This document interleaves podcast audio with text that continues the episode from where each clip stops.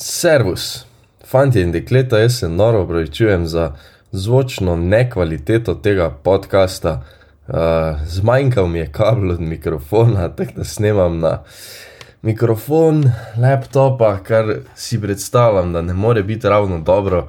Uh, bomo probali pregurati, show must go on, ker ura je čas, vi poslušate podcast Veto, košarkarski podcast, ki vam pove, klih dovolj, da boste v debatah s prijatelji izpadli kot veliki stručkoti.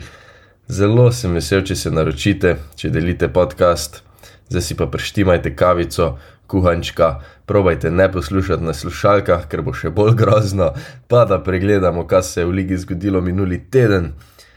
Šamer Majster je za prejšnji teden lahko en v New Yorku, v Madison Square Gardenu, meki košarke so Golden State Warriors iz 96 proti 105 premagali New York Knicks. Ampak ta tekma je bila veliko bolj posebna zaradi zgodovinskega dosežka Stefa Krja, najboljšega šuterja vseh cajtov, ki je zdaj tudi uradno na vrhu lestvice po zadetih tricah v ligi NBA. Številka je zdaj že višja, proti koncu kariere verjamem, da bo razlika med njim in Rejom Ellenom, ki je zdaj le drugi, ogromna ampak 2974 zadetih trojk je bil mejnik, ki je Štefa Krja postavil na vrh. Zdaj, rekord smo čakali v bistvu že kar tri tekme, tri tekme, ko mu je manjkalo še 16 trojk, kar je že samo po sebi noro. Sedeli smo pa čakali, da jih bo majster vrgel 16 na eni tekmi. Že to ti se mi zdi, da pove kar veliko o njegovi veličini. Šut mu sicer pol na totih tekmah ni glih sedel, verjetno tudi malo zaradi pritiska, je pa Madison Square Garden po mojem kar fajn prostor, da postaviš tak rekord. Eh, med gledalci sta bila tudi Ray Allen in Reggie Miller, ki torej v očeh večine, tudi mojih očeh, zaokrožuje ta sveto šutersko trojico. Je pa tudi kar je rekel, da dokler ni imel tega rekorda, se ni hotel ukronati za kralja trojk, zdaj pa mu ni več bad reč to die goat. In tudi je. Um, celotna ceremonija je bila všečna, ko je Stef skinil trico, je vidno pokazal čustva. Uh, trener Warriorsov Steve Kerr je pol takoj zahteval foul, takoj zahteval timeout, da so lahko torej proslavili ta dosežek. No, pa je pa še liga tudi všečno podaljšala ta timeout za kako minutko, da je lahko Kerry izlil svoje čustva, tudi potočil kako sozico pa obeležil trenutek z družino, z bližnjimi, z soigravci, lepo je bilo. Um, zakaj pa pač torej je bilo meni že kar nekaj cajta gladko reči, da je najboljši vseh cajtov? Zato, ker je lastno ročno spremenil igro košarke. Uh, posledično slišiš tudi kar veliko argumentov, da Stef torej igra v času, ko je trojka veliko bolj pomemben, veliko bolj osreden med, kot takrat, ko sta igrala Reči in Rej. Ampak kar je poskrbel za to, eh, kar je tisti, ki so ga mogli začeti krit pri polovici, ker je drugač vrgel iz logota pa skinu. Ker je tisti, ki sam sebi pripravlja mete, torej vodi napad in ne načaka na spot-up šute, kot je bilo v bistvu velik trojk preostalih velikanov. Um, ehm, ker je nesebičen, po dveh MVP sezonah je stopil tri korake nazaj, da so v ekipo inkorporirali Kevina Durenta ker je tisti, ki še vedno na vsaki tekmi dela, se neprestano premika, igra brez žoge, da že sam s svojim gibanjem razmontira nasprotnikovo obrambo, ker mu ne smejo pustiti niti pol metra placa. Ker je dal največ tric v zgodovini NBA košarke, pa bilo ogromno teh tric, precej, precej drugačnih kot od Millerja pa Rea Elena. Zato mu lahko rečemo Goat, zato je za mene eno osebno že med deseterico najboljših košarkarjev v zgodovini. Lep trenutek je tudi bil, ko je dal uh, Rolexa, Andrew in Gadali, pa Draymondu Greenu, torej majstroma, ki sta mu pri teh tricah največkrat asistirala. So se pa začele pojavljati tudi špekulacije, ne? takoj, takoj, ko je podaril rekord, so ljudi že začeli študirati, kdaj, pa kak, pa kdo ga bi lahko prihitev. Ker sen je pa dejstvo, da igra je drugačna. Ne? In veliko mladeničev je v prvih parih letih svoje kariere kar krepko pred številko, ki jo je v enakem obdobju dosegal Kari. Tu se mi nekako, oziroma se nam nekako najbolj ponuja Trey Young, ampak Jank ni tako učinkovit, po mojem, nikoli ne bo, medtem ko jih bo kar je capal še kar nekaj let. Verjetno bo tudi Stefov rekord enkrat padel, ampak sam zato, ker se danes vrže več tric, še ne pomeni, da jih bo kaj hit kdo capal na enak način, enako dominantno kot Stef Curry. Če je Šamermeister posameznik, pa je poraženec tedna ena ekipa, oziroma mogoče bolj prav, da se izrazim organizacija. Moji, naši, vaši najljubši Dallas Mavericks. Čeprav rezultati zadnje tedne niso rožnati, vse ne niso zdaj porazni. Vse pa v Dallasu neka kuha, pa nisem glih ziger, da je dobra župica. No. Glavno tu le, da jih imam za loserje, je posledica enega članka na ESPN-ovi spletni strani, ki je do dobra razdela vzdušje v organizaciji, pa predvsem odnos bivšega trenerja Rika Carlyla. Vzdušje naj bi bilo kar turobno, Carlyle naj bi bil izjemno dosaden, imel izbruhe jeze, naj bi se celo spravljal na določene basketaše. Uh, bil je izredno omenjen tudi Dennis Smith Jr., uh, playmaker, ki so ga v New York tradili v tisti prvi Dončičevi sezoni za Kristapsa Porzingisa.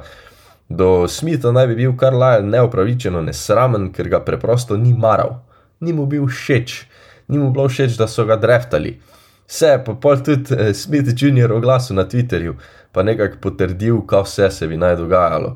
Denis pa Luka sta se takoj spoprijateljila, bila velika prijatelja, Carlyle pa bi jih naj probo celo uperiti drug proti drugemu, kao, da je Smith Jr. ljubesumen, ker je Dončić pač mogoče boljši. Stamela pa Luka pa Carlyle tudi kar tak šejki odnos, eh, čeprav Carlyle ni nekako njega direktno slabo obravnaval, Tonkeju ni bilo všeč, kako se je obnašal do drugih. Pa ga bi naj celo prosil, da odpove tisti načrtovani izlet v Slovenijo. Uh, Tako da, Glede na to, kako dolgo je bil Rik pri Dallasu, pa če je bilo v eno to leto, torej da se je čez daljše obdobje dogajalo, pol dejansko razumem, da je nekaj narobe s kulturo organizacije in razumem, da se bo nekaj moglo spremeniti. Pa pa pridemo še do dejanskih predstav na parketu, če začnemo z Dončičem, lahko gladko rečemo, da ni tako dober, kot bi mogel biti preteklih nekaj tednih se je po internetu razvilo, po moje, celo tako veliko umazanih debat no, na njegovo težo, ampak je pa dejstvo, da se je Pep mogel spraviti k sebi, če hoče doseči to veličino, ki mu jo vsi pripisujemo, pa veličino, za katero ima definitivno potencial. Uh, majster je že zdaj izjemen, med najboljšimi košarkarji na planetu. Sam za tisto smetano, da mu bomo kdaj lahko rekli, da je najboljši basketaš na planetu, pa pa mogel, po mojem, stopiti še korak naprej, kar se priprave tiče.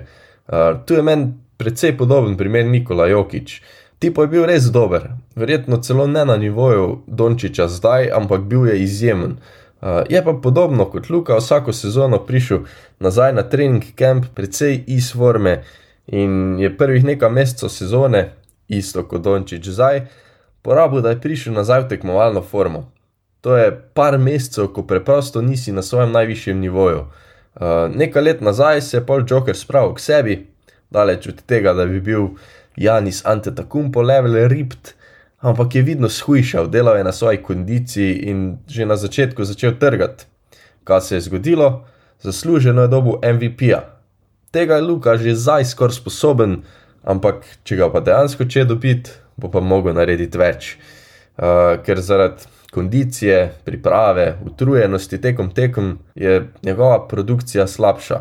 Hkrati pa se precej poveča tudi možnost poškodb, kakorkoli obrneš, to tudi zdaj vidimo. Hvala Bogu, še ni prišlo do česa res hujšega, si je pa že parkrat letos zvrcno gležen. In to se itak lahko zgodi komorkoli, ne glede na to, kak si pripravljen, je pa zato manjša možnost, če si fizično v top pripravljenosti. Ja, no, je pa vseeno daleč od tega, da bi Luko jaz zakrivil tu za predstave Dallasa. To mislim, da smo že velikrat razdelali. Po mojem mnenju, ekipa preprosto ni dovolj dobra, kot da dejansko nimajo niti ideje, niti dejanske poti naprej. Eh, na trgu igralcev je naenkrat veliko košarkarjev, ki bi že rebičkom prišli noro, noro prav, pa za njih skoraj da ne morejo tradati. Vse se da, ne, ampak so pa tu zelo, zelo omejeni se mi zdi, kot da ne morejo nečesa probati, ne da bi hudo tvegali, torej ne da bi se s tem odpovedali komu drugemu. Pol je pa tu noč Jason Kidd, trenutni trener, ki se ne proslavlja. Uh, videl sem ne par tekem, ko je dala zgledal res dobro. O tem smo se pogovarjali tudi z Nikom v veto pogovorih. Teda, sense kidu še nisem pripravljen čisto odpovedati, nimam pa glih velikega zaupanja v njega, no, uh, pa v njegove trenerske sposobnosti. Domke je torej spustil zadnjih nekaj tekem, ko je preostalo moštvo premagalo Pogo Oklahoma, dobro so razbili Charlotte Hornece, so pa pol po podaljšku klonili proti Lakersom. V tekmi, ko bi jo sicer lahko dobili, ampak dobro. Zdi se mi, da je pomembno, da ekipa kaže, da je kompetitiv tudi brez luke. Uh, predvsem so kar dobro oddelali obrambne naloge. Breme igre v napadu so pričakovano prevzeli Kristaps Porzingis, Dorian Finney-Smith, Jalen Brunson pa Tim Hardaway Jr., pozitivno pa me je presenetil Trey Burke, uh, tot teden je capnil 22 pik proti Hornecom, pa 12 Lakersom. Uh, je pa vse največja težava Dallasa, med za tri točke, to ostaja, ne skinejo bazena. Proti Charlotteu so sicer vrgli 35 odstotkov, proti Lakersom spet 27. To nekako skozi čakamo, da se bo izravnalo, da se bo dvignilo, pa se preprosto ne in me začenja nekako skrbeti. Uh, skrbi me pa tudi, da se zdi, da je ekipa bolj usklajena, ko ni luke na igrišču. Daleč tega, da to pomeni, da so boljši brez njega, ampak se pa zdi, da bolj vejo, kam mora kdo delati, uh, kdo so, kaj so, ko so brez svojega zvezdnika. Uh, no, jaz pa sem, kakorkoli, ne glede na vse, mislim, da bo treba poiskati novo krepitev, da bo treba narediti kak trade za košarkarja, ki je boljši fit.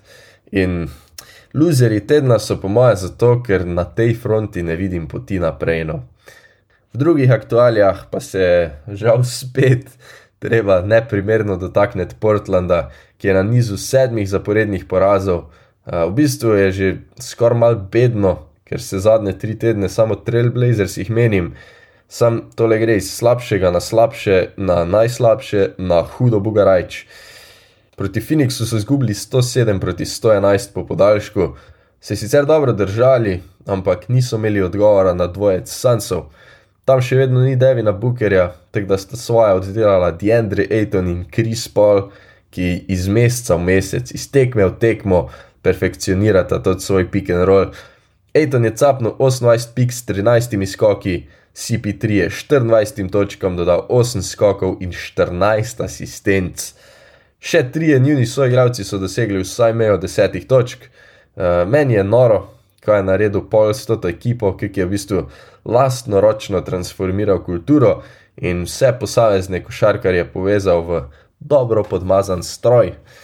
In pa pridemo do Portlanda, ki je vse prej kot to, bili so res blizu, prišli so do podaljška, pa vseeno klonili.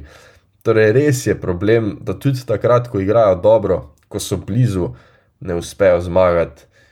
Ker kakorkoli obrneš, ni veliko takih tekem, ko igrajo dobro.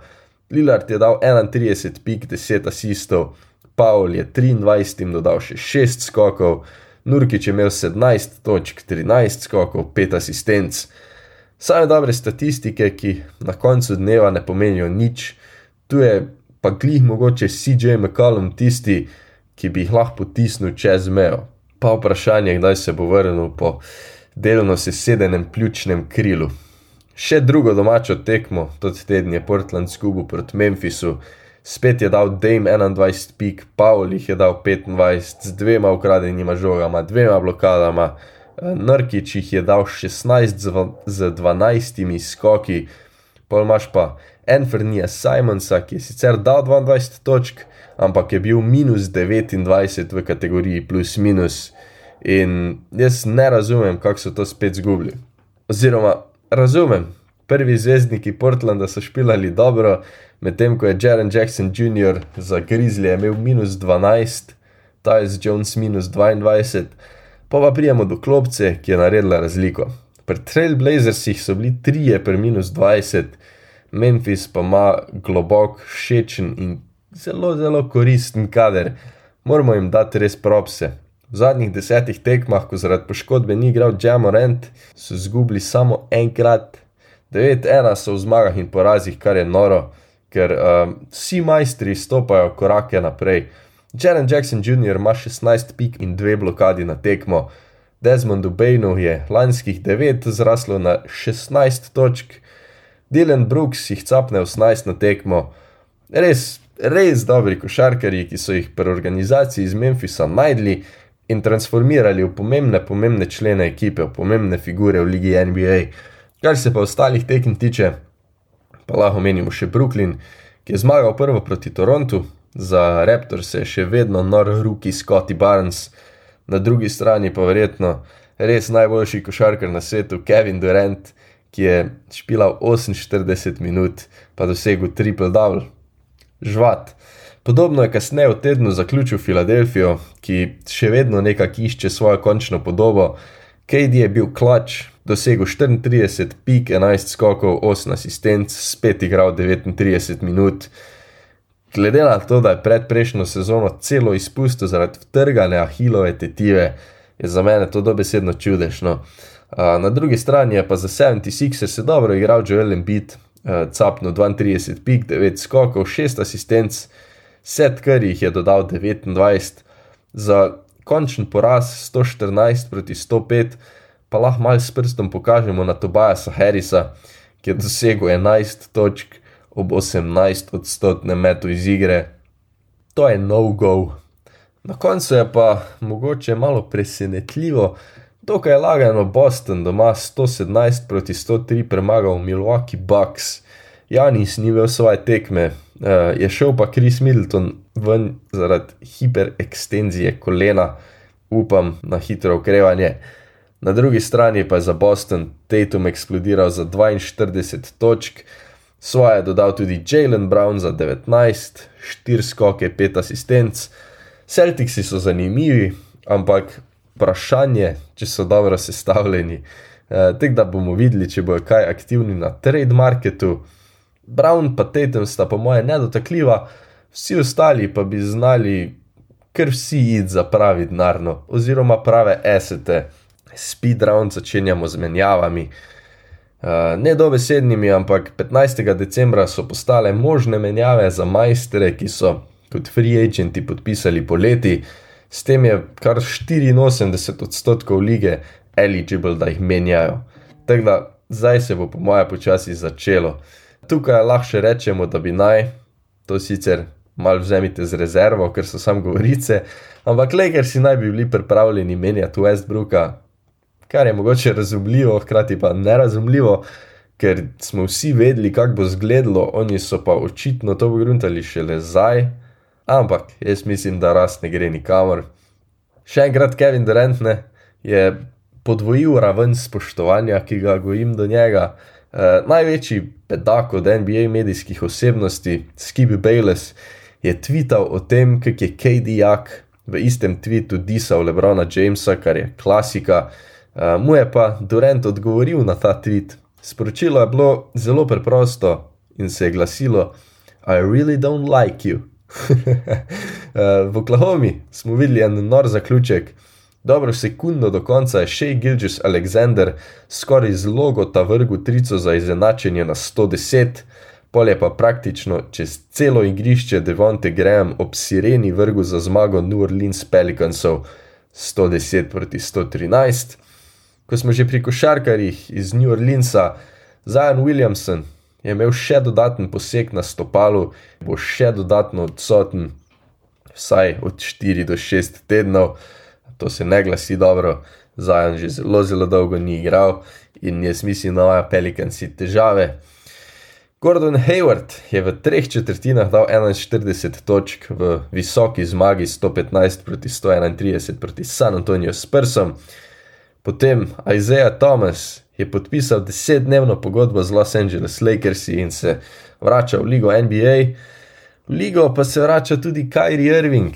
Ekipa Brooklyna si je premisla in mu bo dovolila igrati na tekmah v gosteh, torej na Road Games, kljub temu, da ni cepljen. E, minuli teden se je povratek Kyrija napovedoval. Jaz osebno mislim, no, da so ga torej pripričali, da se cepi, kar je v New Yorku nujno. Tole je pa zdaj malo smešno, no, da so nekako spremenili svojo odločitev. Um, bo pa torej Kajri vsak dan podvržen testiranju. Kar se strikov tiče, Cleveland še vedno ara, ima pet zaporednih zmag. Chicago ima še vedno ogromno težav s COVID-om in odpovedujejo njihove tekme. Utah Jazz je zmagal 8 zaporednih, Detroit pa 12 zaporednih izgubil. To je to za danes. Hvala vsem, ki ste si vzeli čas, pa se res opravičujem za pomankanje zvočne kvalitete. Do naslednjega tedna, majki mi, da zrihtam. Pa res hvala vsem, ki ste se prigurali do konca. Uh, bo pa prihodnji teden tudi malo okrnjen kontent, uh, žal ne bo rekepa vikenda, ker imam spet en izpit. Tako da se opravičujem vsej peterici, ki to čita. Noro vesel bom, če se naročite na podcast, ga delite ali pa če ga od srca priporočite prijateljem, to pomeni največ. Vesel bom pa tudi vseh komentarjev, debat, dobite me lahko na Facebook strani podcasta, na Instagramu, zadnje cajte pa se trudim celo nekaj tvitati, tako da sem štart perajt tudi tam. Naslednji podcast bo zanimiv, malo drugačen, božičen, s par zelo, zelo posebnimi gosti. Do takrat pa bodite fajn.